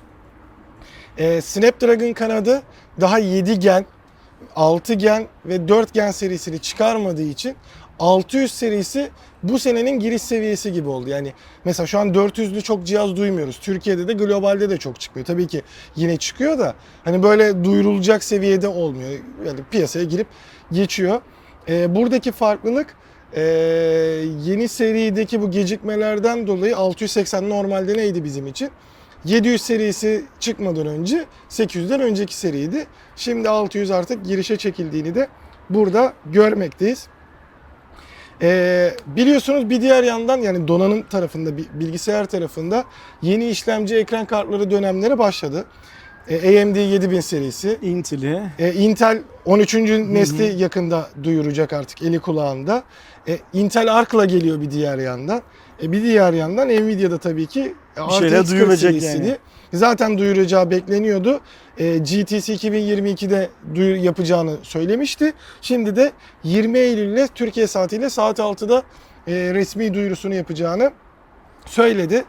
Ve tabii ki e, 30 serisinden gelişmiş versiyonları olarak göreceğiz ve ilk aşamada tabii ki 4070, 4080 ve 4090 ortaya çıkacak. E, TI modelleri ilk başta duyurulmayabilir ama tepe şeyi için bir ihtimal 4090 Ti bu e, lansmanda ortaya çıkabilir. E, 4080'in e, 12 ve 16 GB e, VRAM içeren iki farklı versiyonun olması bekleniyor. Ve e, bu 4080'lerin de 12 ve 16'da farklı bir PCB yapısında olması da bekleniyor. Yani aslında aynı serinin e, RAM'leri değişirken yapılarının da değişmesinin beklediğini söyleyelim. Ve sayısal olarak da şu anda beklenen 9728 CUDA çekirdeği gibi e, bir üst segment. Yani aslında Nvidia'nın birazcık da tarzı oydu. 1000 serisi mesela 2000 serisi çıktığında işte e, bir önceki serideki üst seviyeye yaklaşma durumunda burada net bir yaklaşma olacak gibi ama 340 watt gibi bir TDP değeri de bekleniyor. Artık minimum 1000 watt e, güç kaynaklarına geçeceğiz gibi bu durumda. Çünkü Intel e, tarafı da güç verimliliği tabii ki sunacağı modeller olacak ama o da performansta bir artış için e, K modellerinde falan yüksek şeyler görebiliriz. Bakalım yani Ekim ayı ile itibariyle aslında e, şeylere bol bol konuşuyor olacak. Bizim kanalda da hani işlemcilerin, ekran kartların bol bol inceleme dönemleri gelir. Bunu da e, belirtmiş olalım. Burada konuşacak çok fazla bir şey yok. Yani işte e, dünyanın takvimiyle alakalı bir şey. Hı hı. Çıkartacaklar tabii ki rekabette geriye kalmak istemiyorlarsa. Ama bu sene Ee, birazcık daha eğlenceli olacak gibi. Bu sene eğlenceli olmasının başka faktörleri de var. Birincisi işte kripto işi ters Evet, gidiyor. 19'unda 18'in de altına düştü Aynen galiba. öyle. Ee, şey yapamıyor yiyecek yani oradan bir Ya talep stok olacak. olmayacak. Ee, bugün tekrar 20 bin üstüne çıktı bilgin olsun da. Ee, her üç markanın da üretim konusunda derdi eskisi kadar çok O çip olmayacak. krizi toparlandı. Ama işte esas sorun dünyanın her yerinde bir enflasyonist ortam var. Fiyat konusunda şey olacaklar biraz. Dikkatli olmaları gerekecek filan. Göreceğiz neyin ne olacağını. Yani. Sonuçta Nvidia Nvidia. Bir de Türkiye'de Turkcell'le el ele verip Türk halkını soymayaydı daha iyiydi. Ama o işi yaptığı için işte artık benim için Nvidia hiçbir şey ifade etmiyor. Gel, Poco'lar daha önemli. Gel Poco'nun haberine geçelim. Poco'yu anlat bize. Ee, bir diğer yandan Türkiye'de çıkan cihazlarda uzun süredir beklenen X4 GT ve F4 oldu. Biz kutu açılışını yaptık. Özellikle X4 GT gerçekten hani fiyat performans dengesinde günümüz şartlarındaki güzel cihazlardan biri olduğu için neden alınır videosu geldi. Önümüzdeki günlerde her ikisinin de incelemesi gelecek. Her ikisi de Türkiye'de satışta bu arada. Evet. Her ikisi de geldi ve fiyatlarına baktığımızda F4 14 bin, X4 GT 13 bin liralık fiyatlara sahip. Telefonunu ve elime almadan ki elime aldıktan sonra da görüşüm değişmedi ama eee, bu yazılı özellikler ve bu fiyatlarla şey telefonlar, iddialı telefonlar. Evet. Ya iki farklı şey de seçeneğinde hatta 12 Lite'ı da düşünürsek şu anda aslında e, iyi performans sunan fiyat performans dengesinde çünkü fiyat performans her yerde varken hani aldığında yıllarca kullanayım vesaire derdi olan insanların dengesi de bunlar çok güzel cihazlar oldu üçü de. Ve baktığımızda F4'te Snapdragon 870 var. Hani burada eleştirenler de var haklıdır çünkü F3 daha aynı işlemci, e, F4 daha iyi işlemci diye. E, ama e, bunu biraz daha söyleyeyim de sadece şöyle bir şey söylemiş olayım. Bu birazcık artık markaların e, işte farklı farklı nedenlerle çip krizi olabilir, bir şey olabilir şeyleri de olmaya başladı. Yani, e, ben birçok markada ya da birçok farklı telefonda aynı işlemciyle devam etmeyi çok görmeye başladık. Ekranda e, AMOLED bir ekranımız var. 120 Hz'lik bir AMOLED ekran. E, 64 megapiksel ana kameramız 8 geniş 2 makro. Önde 20 megapiksellik Samsung üretimi ISOCELL. E, 6 GB RAM 8 GB e, 68 RAM 8 e, 256'lık modeli de e, 20 pardon ne 20'si 14 bin liralık fiyata sahip 4500 mAh'i de 67 Watt'la şarj ediyor. X4 GT'ye geldiğimizde Dimensity 8100 var. Bu da aslında bence 888 e, denginde bir e, işlemci. 144 Hz'lik e, bir IPS e, LCD ekran kullanıyor. Ama e, Dolby Vision'a kadar destekliyorlar. Hatta mobil cihazlarda ilk Dolby Vision destekli IPS ekran. Burada tabii yine AMOLED IPS hikayesi çıkacak cahil kısmının işte ben de onu şeyinde. mesela incelemede de bunu söyledim. Yani IPS ama yani kimseye söylemeden o telefonu gösterip bu ekranı dese çoğu insan AMOLED diyecekti. Yani Neyse o sen devam et. seviyeye ulaşmış. Ee, 828 ve 256 versiyonları var yani. Tek RAM seçeneği var. 64 megapiksel ana, 8 geniş, 2 makro. Ama burada şeyi söyleyebilirim. Ana kamera iş görüyor sadece. Yani genişle makro. Makro güzel çekiyor yine düşük megapiksel olmasına rağmen ama ben mesela genişini çok sevmedim. Ee, ön kamerada 20 megapiksellik bir sensörümüz var. İyi çekimler yapabiliyor. 5000 mAh bataryamız, 67 watt hızlı şarjımız var ve 13.000 lira. Şimdi benim Bu gördüğüm şartlarda, bu iki telefon ne kadar ekmek o kadar köfte mantığına çok uyan iki telefon. Aynı Bunlar. zamanda şey de yapmışlar mesela işte AMOLED takıntısı olan bilmem ne Aynen Snapdragon takıntısı olan var. Şimdi Al sana diyor kardeşim iki telefon var hangisini bu senin istersin? söylediğin AMOLED hikayesiyle e, bu Poco F4 ve F4 GT şey GT'yi anlatırken bahsettiğin bir üst modelde aynı işlemci hikayesine şöyle bir cevap vermek istiyorum. Teoride haklısın ama Xiaomi özelinde bu tespitinin çok doğru olmadığını düşünüyorum ben. Evet, şey Düşünme nedenim de şu. Xiaomi hep diyorum ya, yani bizim şikayetçi olduğumuz bir konu var. Ee, benim yine kendi tabirimde ishal olmuş gibi, telefon ishaline yakalanmış gibi Hmm. telefon çıkartıyor. Anladım. Şimdi Xiaomi'de Samsung için bu söylediğin doğru, Apple için doğru. İşte Huawei eli mahkum konuştuk geçen hafta doğru filan da.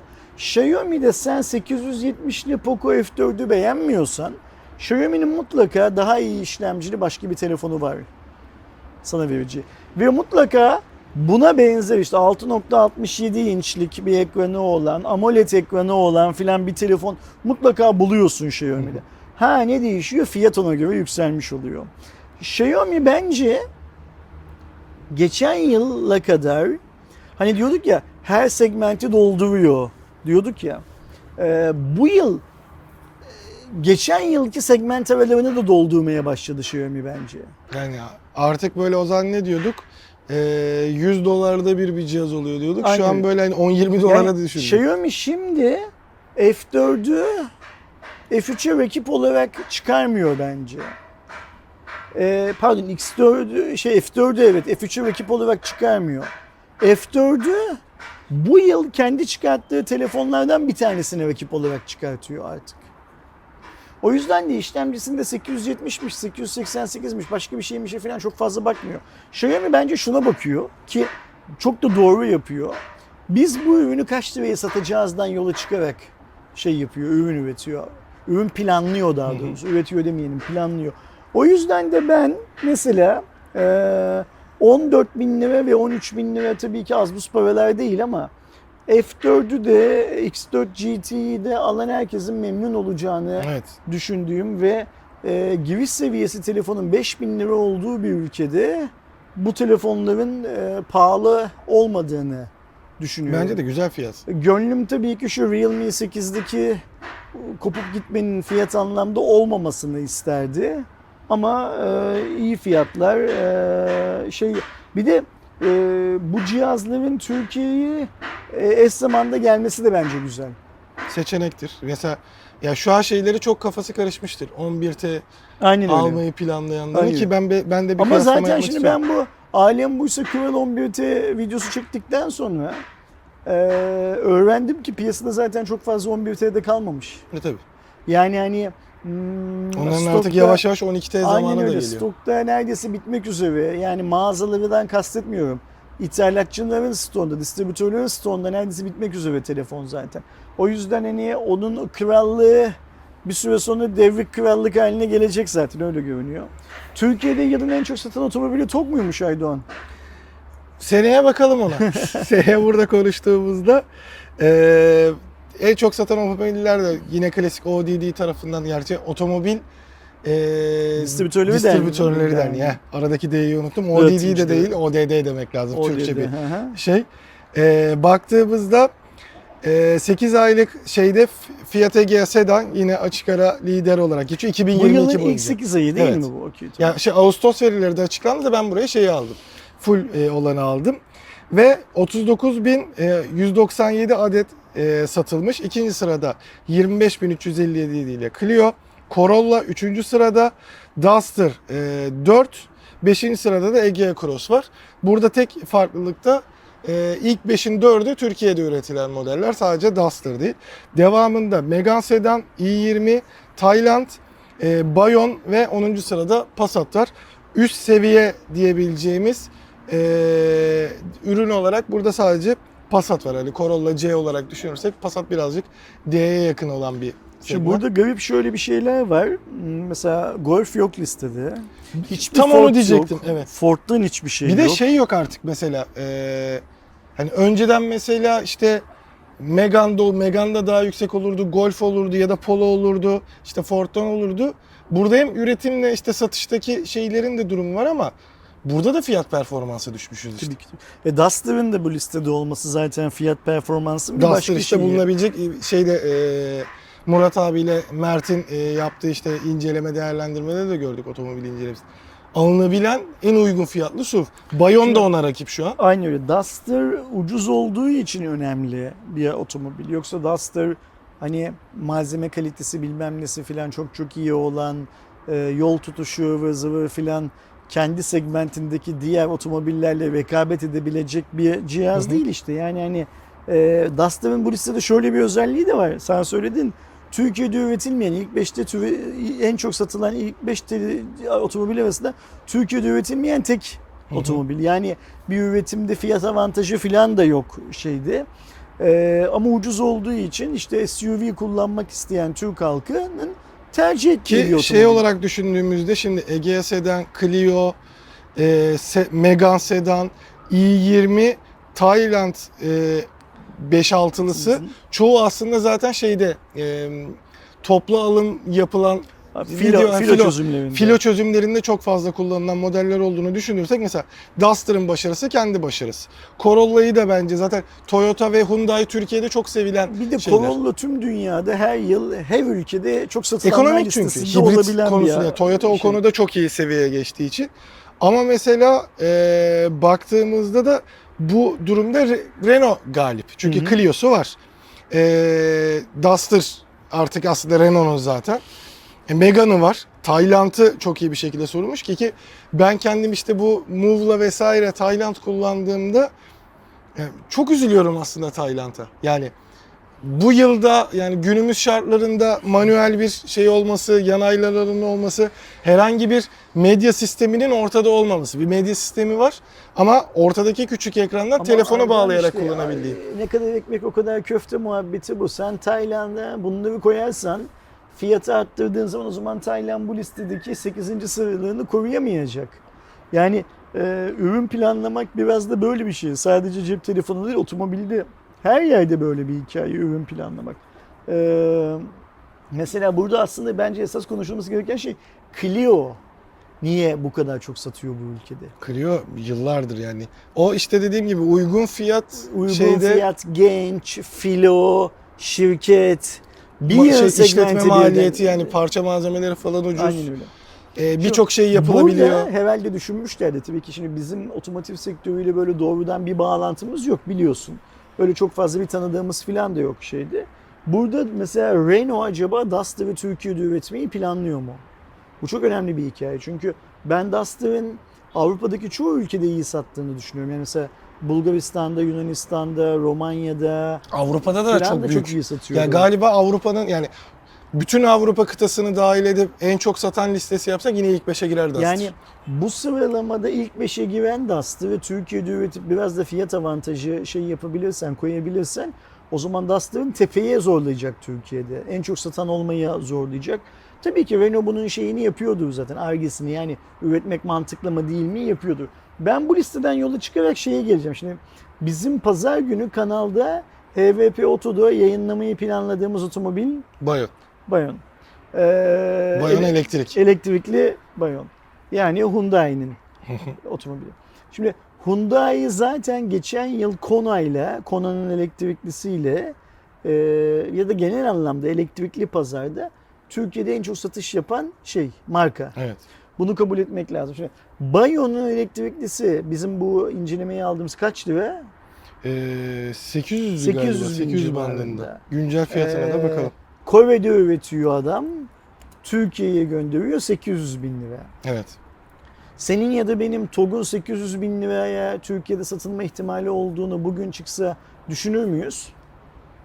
Ben düşünmem. Düşünmemiz lazım yani söylemlere bakarak. Niye işte e, eşdeğer içten yanmalı motorlu araçla rekabetçi olacak dedi İşte orada fiyat. bir şey de var hani eşdeğer dediği hangisi mesela işte dediğimiz gibi Duster mı eşdeğer? Ee, EQC mi ya da ya o elektrikli 'yi de. C, direkt hani şey GLC mi X1 mi Şimdi ben şöyle düşünüyorum. Eğer Duster bugün tü, işte Duster diyorum pardon. E, TOG bugün Türkiye'de satışa bundan daha pahalıya çıkıyorsa Bayon o zaman TOG'un bir esprisi kalmıyor Aydoğan. Hı hı. Hele bir de önümüzdeki yıl şunu biliyoruz değil mi? Herkes biliyor. Herhalde sır değil bunu söylemek. Önümüzdeki yıl Türkiye'de elektrikli Duster'lar da satılacak. Ee, bizim şey Ko- Kona Bayon değilmiş. Konu mu? Kona- bizdeki? Kona elektrik. Ha okey tamam. Ee, önümüzdeki yıl Türkiye'de şey de satılacak. Ee, elektrikli Duster da satılacak. Hmm, Duster onu bilmiyordum. büyük bir ihtimalle e, elektrikli otomotivde de oto elektrikli otomobilde de en ucuz olmayı şey yapacak ne hı. derler hedefleyecek. Avrupa'da çünkü böyle yaptı. Türkiye'de de öyle yapacak. Yani şunu Evet bu söylemeye arada 830 çalışıyorum. bin lira Kona. Ee, Kona elektrik. yani. TOG'un çok dişli rakipleri olacak fiyat anlamında. Kesinlikle. TOG'un çok dişli rakipleri olacak. Şimdi e, tamam TOG bizim kendi malımız filan filan da bir yanda yıllardır otomobil üreten Koreli Hyundai, öbür yanda Renault'un e, alt markası Dacia filan varken TOG marka olarak bütün dünyaya ne ifade edecek? Yani hani hep şu şeyden bahsediyorum ya. TOG'un bir böyle sıkışmışlığı var her Evet. anlamda. Hala bu arada yürüyen otomobil yok ortalıkta. O Maalesef. ayrı mevzu. Ee, işler çok kızış- kızışacak burada. Yani biz seninle önümüzdeki yılın bu zamanında bu listeye baktığımız zaman bu listede TOG'u görmeme ihtimalimiz çok fazla. Yüksek. Onu anlatmaya çalışıyorum. E zaten Ee, üretim olarak da bence yetişemeyecek. ya şimdi üretemeyecekler zaten orada şeyiz de ürettikleri zaman da bu listeye giremeyecek gibi görünüyor şu anda. Bakalım görelim. Ben Umarım eee, şaşırtır. bu listede şaşırdığım arabalar ve aynı zamanda şaşırmadığım arabaları söyleyeyim. Mesela Clio'ya ve i20'ye şaşırıyorum. Aynı zamanda şaşırmıyorum da çünkü Yok, Türkiye'nin i20 şu anda artık bence ekonomi anlamında gücünün yettiği otomobiller i20 bunlar çünkü. e, nasıl anlatayım aslında bizim şeyi Realme 8'i gibi bir şey aslında Aynen otomobilleri. Yani çünkü Passat'ın- donanımla vesaire şey. Passat'ın bu kadar geriye düşmesi de bizim bu esnaf dediğimiz hani esnaftan biraz fazla 5-10 çalışanı olan ama KOBİ'yi de tam olarak dolduramayan küçük işletmelerde de işlerin iyiye gitmediğini gösteriyor Aydoğan biraz. Evet. Çünkü onlar da demek ki Passat almaktan biraz şey yapmışlar, vazgeçmişler. Bu liste kendi içinde Türkiye'de işlerin iyiye gitmediğini gösteriyor bana. Maalesef ki. Yani işte burada da yani yapılan her listede böyle ürünlerin yani en çok satılanlar listesinde daha öncekine nazaran daha düşük ürünler göreceğimiz belli. Çünkü hani e, i20 falan değil de mesela bu Megan e, klasmanından şeyi olmazdı, düşüğü olmazdı mesela en çok satılanlarda. Hani Ford'da işte e, mesela işte Ford hiç listede yok. E, Golf olurdu, işte Polo olurdu. Ama şimdi i10'ları, i20'ler, Duster'ları falan görüyoruz hep maalesef ki. Şimdi de tekrar telefon kısmına döndüğümüzde bir diğer duyuru e, haberi de Google'dan geldi. 6 Ekim tarihinde de Pixel 7 ailesini tanıtacağını duyurdu. E, aynı zamanda sayfasını da değiştirdi. Hem orada renklerini görmüş olduk ama e, Tensör çekirdeğinin de yenisinin adının Tensör G2 olacağını öğrendik. Tensör 2 değil de G2 olarak adlandırılmış. Ama şu anda bir detay bilmiyoruz. Yani nasıl bir sistem olacağını e, bilmiyoruz. Büyük ihtimalle yakınlaştıkça bir tensörün lansmanı yapılarak neler olduğunu görürüz ama İşlemci yeni işlemci olacak Evet. onu biliyoruz. Ve umudumuz yeni işlemcinin artık sorun çıkarmaması. e, yani bu Herhalde- sefer yine Samsung'la çalışıyorlar bildiğimiz kadarıyla. Herhalde Google tarafının da umudu bu yöndedir. Çünkü Tensor 1 yani ilk Tensor diyelim artık nasıl isimlendireceğimizi bilmiyorum. Ee, beklenti çok büyüktü. Duyurusunun yapıldığı zaman dünyada işlemci konusunda kıyametler kopuyordu. Özellikle işte yapay zeka vesaire konusunda bayağı gelişmişti. Ama ee, bir Meltem istemedi. Hiç kimse Ya umursamadı. Samsung orada herkesin bir ayağını kaydırmış gibi oldu. Yani tensörde beklenti seviyesi kötü çıkmadı ama işte hani e, klasik bir üst seviye işlemcisi oldu. E, kendi Exynos'u da AMD ile ortaklık geliyordu artık sorunlar kalmayacak dedik yemedi. E, 8 Gen 1 de Samsung e, nanometre geliştirmesiyle geldi o da yemedi. Bakalım yeni Pixel'de inşallah kullanılan işlemci bizim hayatımıza bir renk katar Aydoğan. İnşallah bir şey e, heyecan verir bizim yaptığımız işe. Yani hani e, Qualcomm, Mediatek, Apple, Samsung artık yok Huawei falan ya. Hani buraya böyle bir büyük rakip olarak girer inşallah. Ya bence olacak hani onun sinyalini verdi Pixel 6 serisiyle. Pixel 6 serisi güzel de sattı. Alanlarda Aa şöyle kötü böyle kötü demedi. 6A'da mesela çok iyi e, seviyedeydi. 7 ile artık bence de bir önemli oyuncu haline gelir diye bekliyorum. Ama işte Google bu. Ne yapacağı belli olmadığı için bir anda şey bile olabilir. 7 çok güzel çıkıp 8 üretmiyoruz diyebilirler yani. Google'ın öyle ke- keyfi saçma sapan işler yaptığını çok belki görüyoruz. Google güvenilmez bir şirket ne yazık Ama ki. ben bana şey hissiyatı verecek gibi geliyor niyeyse. Ya acaba yurt dışından Pixel 7 alabilir miyim ya da 7 Hmm. Pro alabilir miyim şeyini yani bu sene böyle en güzel gelen cihaz olacak gibi. Dediğim gibi hani iPhone'lar yani. beklentimde çıkmadı. Yani artık böyle yıl sonuna geldik ya bari sen Google güzel bir şey çıkar da bir sevinelim. Tarih şey belli mi? 6 Ekim'de. 6 Ekim iyi tamam çok bir şey kalmamış öğreniriz. Onu da biz zaten yani bir canlı yayınla e, şey yaparız eğer böyle sabaha karşı fazla erken değilse. Ama genelde zaten bizde akşama denk geliyor. Orada sabah yapılıyor. Bizde akşama denk geliyor. Bir diğer yandan e, USB kanadında da USB 4.2.0 standardı duyurulmuş oldu. Aslında 2019'da yani bu standartlar biz mesela şu anda USB 3.2 Gen 2'yi falan çok fazla görüyoruz ya da Thunderbolt 4'ü görüyoruz ama bunlar çok daha önceden duyurulmuş standartlar oluyor. USB 4 standardı 2019'da duyurulan bir standart. Ve aslında klasik hani hızların USB birliği tarafından iki katına çıkartılması. USB 4 aslında Thunderbolt 3'ün üzerine geliştirilen bir şey. Ee, ve bu açıdan da baktığımızda e, 40 gigabit'e çıkıyordu. 2.0 ile beraber çarpı 2 80 gigabit e, bölü saniye e, gigabyte bölü saniyelik verilere çıkabiliyor. Ve tabii ki yine artık standart tip C ki bunu Avrupa Birliği de zorlamaya başladı. Ki mesela e, yakında incelemesi gelecek. Elimde MateBook X Pro var. Herhangi bir tip A bağlantısını görmüyoruz. Büyük ihtimalle böyle böyle devam eden bir şey olacak. Burada da e, protokol bazında DisplayPort vesaire desteği de kazanarak ilerliyor. E, bu açıdan baktığımızda artık hani hız standartları da ciddi manada artmaya başladı. Hani bu önceden işte 1'den 2'ye, 2'den 4'e çıkması ayrı bir durum da 20'den 40'a, 40'tan 80'e çıkması çok ciddi farklar oluyor. Bir süre sonra da USB 4 3.0'a konuşuruz. Ya bu hani böyle bir hikaye. Sadece Ee, hani USB e, şeyinin e, birliğinin niye böyle bir isimlendi? Ben önceden mesela 3-4 falan diye gidiyordu. Sonra Gen 1, Gen 2 geldi. Şimdi 2-0, 1-0 geldi. Ben horozum hızlandıkça dert etmem. Öyle büyük mi olmuş, ihtimalle mi olmuş? hızlanırsa işte versiyon 2 diye gidiyor. İşte ekstra bir yenilik geldiğinde şey atlıyor. Versiyon atlıyor gibi bir durum var galiba ama önceden Thunderbolt uçar kaçarken artık USB de bunun standartını destekler hale geldi. Son haber ya da hani bir işte şey olarak da biliyorsunuz aslında biz e, şeyden bahsettik.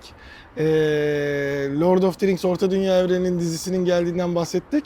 Bir diğer yandan e, ona şeyde Westeros evreni mi denebilir artık ne oluyor oranın şeyi bir Hmm. takip etmediğim için bilmiyorum da e, o tarafta da House of the Dragon gelmişti.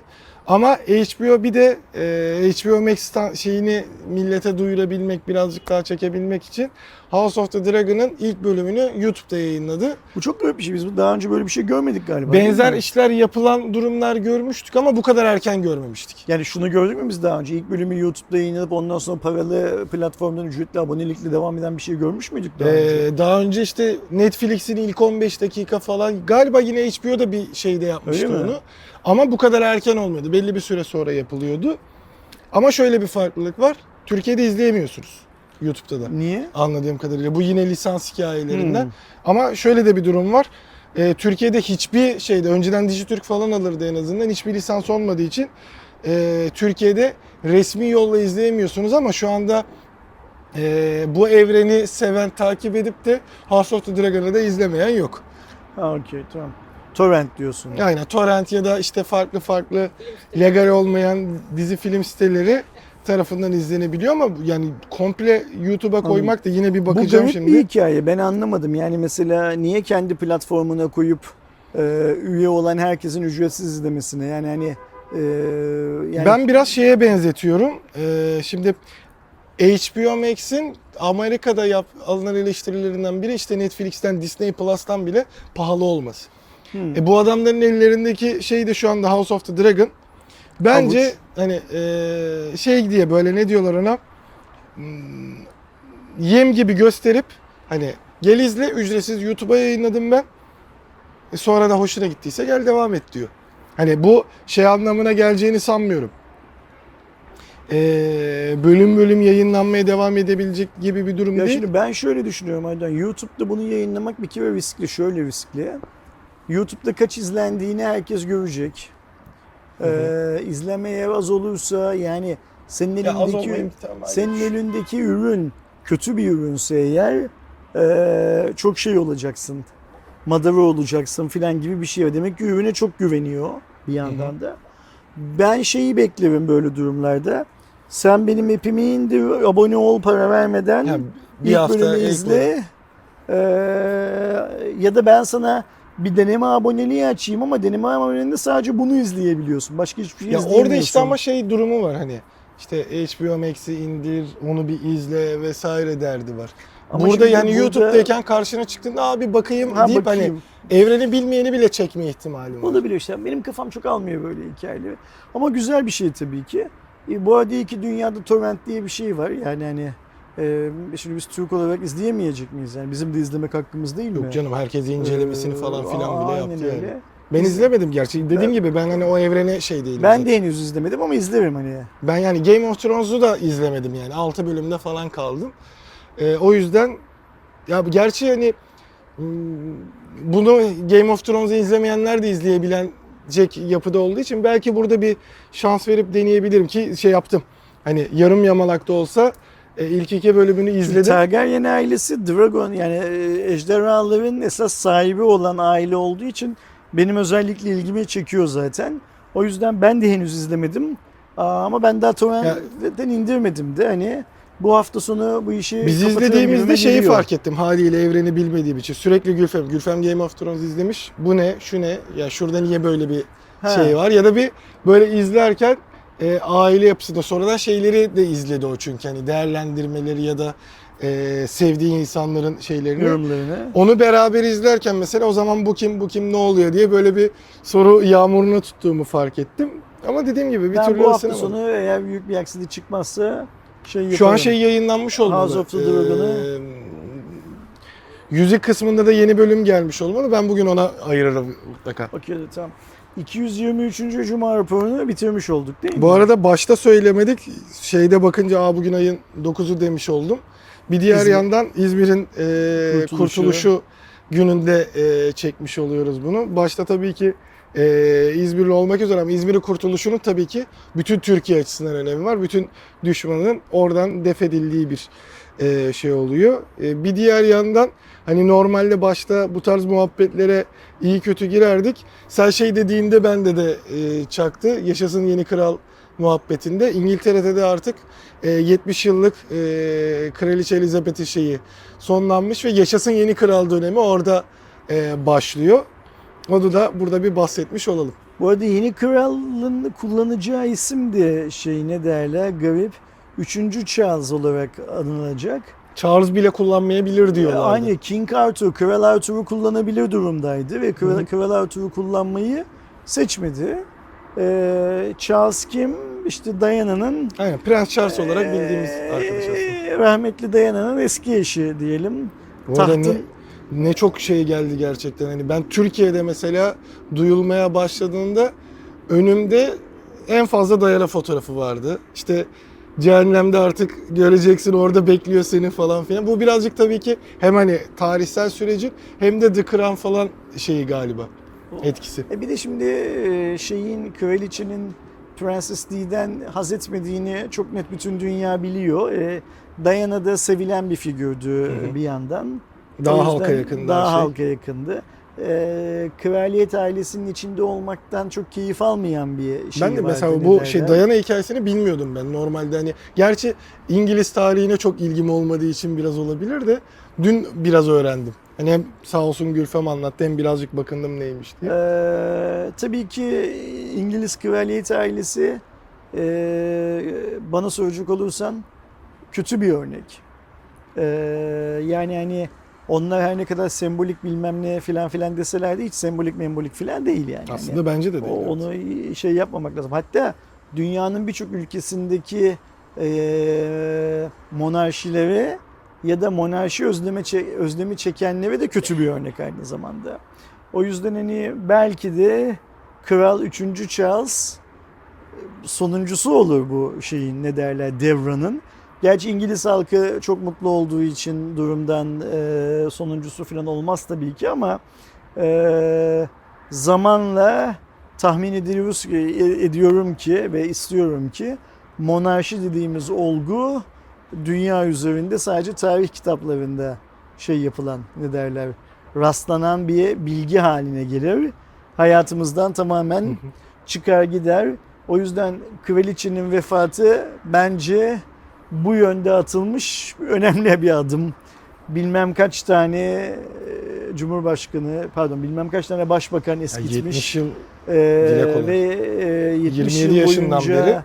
e, hüküm sürmüş e, bir kraliçe, daha doğrusu bir tek yönetici bugünün dünyasıyla çok fazla örtüşen bir şey değil. Ne derler? E, algı değil bence. E, söylenecek çok fazla bir laf yok yani bizi ilgilendiren tarafı teorik dışında çok şey değil ne Evet. derler teori ve dedikodu dışında çok şey değil ama İzmir'in tabii ki kurtuluşu çok önemli. Sadece İzmirliler için değil e, bu topraklarda yaşayan herkes için önemli. kesin. Hangi partiye oy vermiş olursa olsun herkes için önemli. Yani E, düşman işgalinden kurtuluşumuz aslında tam manası. o şey öyle çok kolay bir iş değil hani Yunan kalsaydı diyen şarlatanlardan hoca filan diye bahsetmek çok akıl kârı bir iş değil. Ee, Yunanistan bizim komşumuz bence. İnsanlar komşularıyla iyi geçinmek zorundalar. Ama tarihin bazı dönemlerinde komşular birbirleriyle iyi geçinmezler. Bu hikaye böyle algılanması gereken bir hikaye. Unutmamamız gereken şey de şu ki e, iş özgürlük mücadelesine geldiği zaman Türk halkı e, düşmanı, işgalciyi denize dökmüştür. Aynen öyle. Denize dökmek teriminin Aynen çıktığı öyle. şey zaten. Yani Ee, ayrıca Anadolu'yu işgal eden tek e, yabancı güç Yunan askeri değildi. İngilizleri, Fransızları. İngiliz de vardır, İslam, İstalyan da vardır. İngiliz ordusunda e, Anzaklar da Anzaklar vardır. var. Fransızlar da vardır keza filan filan. E, Türk or- Türk halkı, Türk ordusu demeyelim. Türk halkı bunların tamamıyla tek başına mücadele etmeyi o zaman bilmiştir.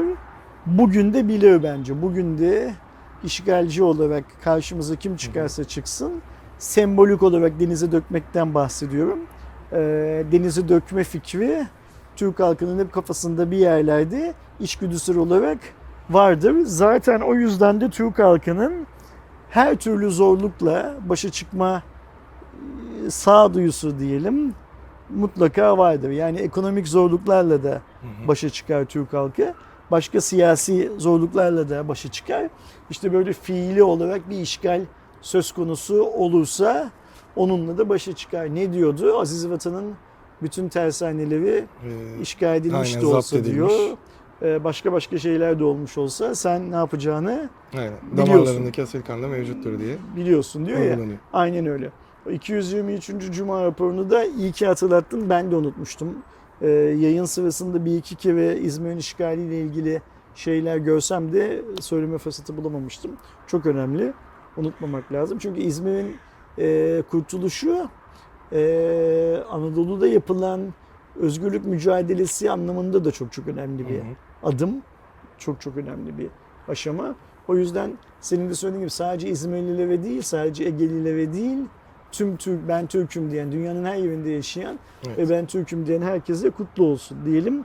224. Cuma raporunu. Yani bir sonraki büyük kutlamayı yapacağımız 225. Cuma raporuna bir kala olan Cuma raporuna kadar kendinize iyi bakın arkadaşlar. iPhone 14 alanlar olursa aranızda, ay almayı planlayan olursa lütfen benimle kontak kursunlar. Sizin yorumunuza görüşünüz bekliyoruz ki. Aynen öyle. Cihazlarını aldıktan bir 15-20 gün sonra sizin görüşünüz seviyesinde kendilerini konuk etmekten çok büyük keyif duyarız. Tabii diyelim ve önümüzdeki hafta buluşmak üzere izninizi rica edelim. Hoşçakalın, kendinize iyi bakın, sağlıkla ve mutlulukla. Bay bay.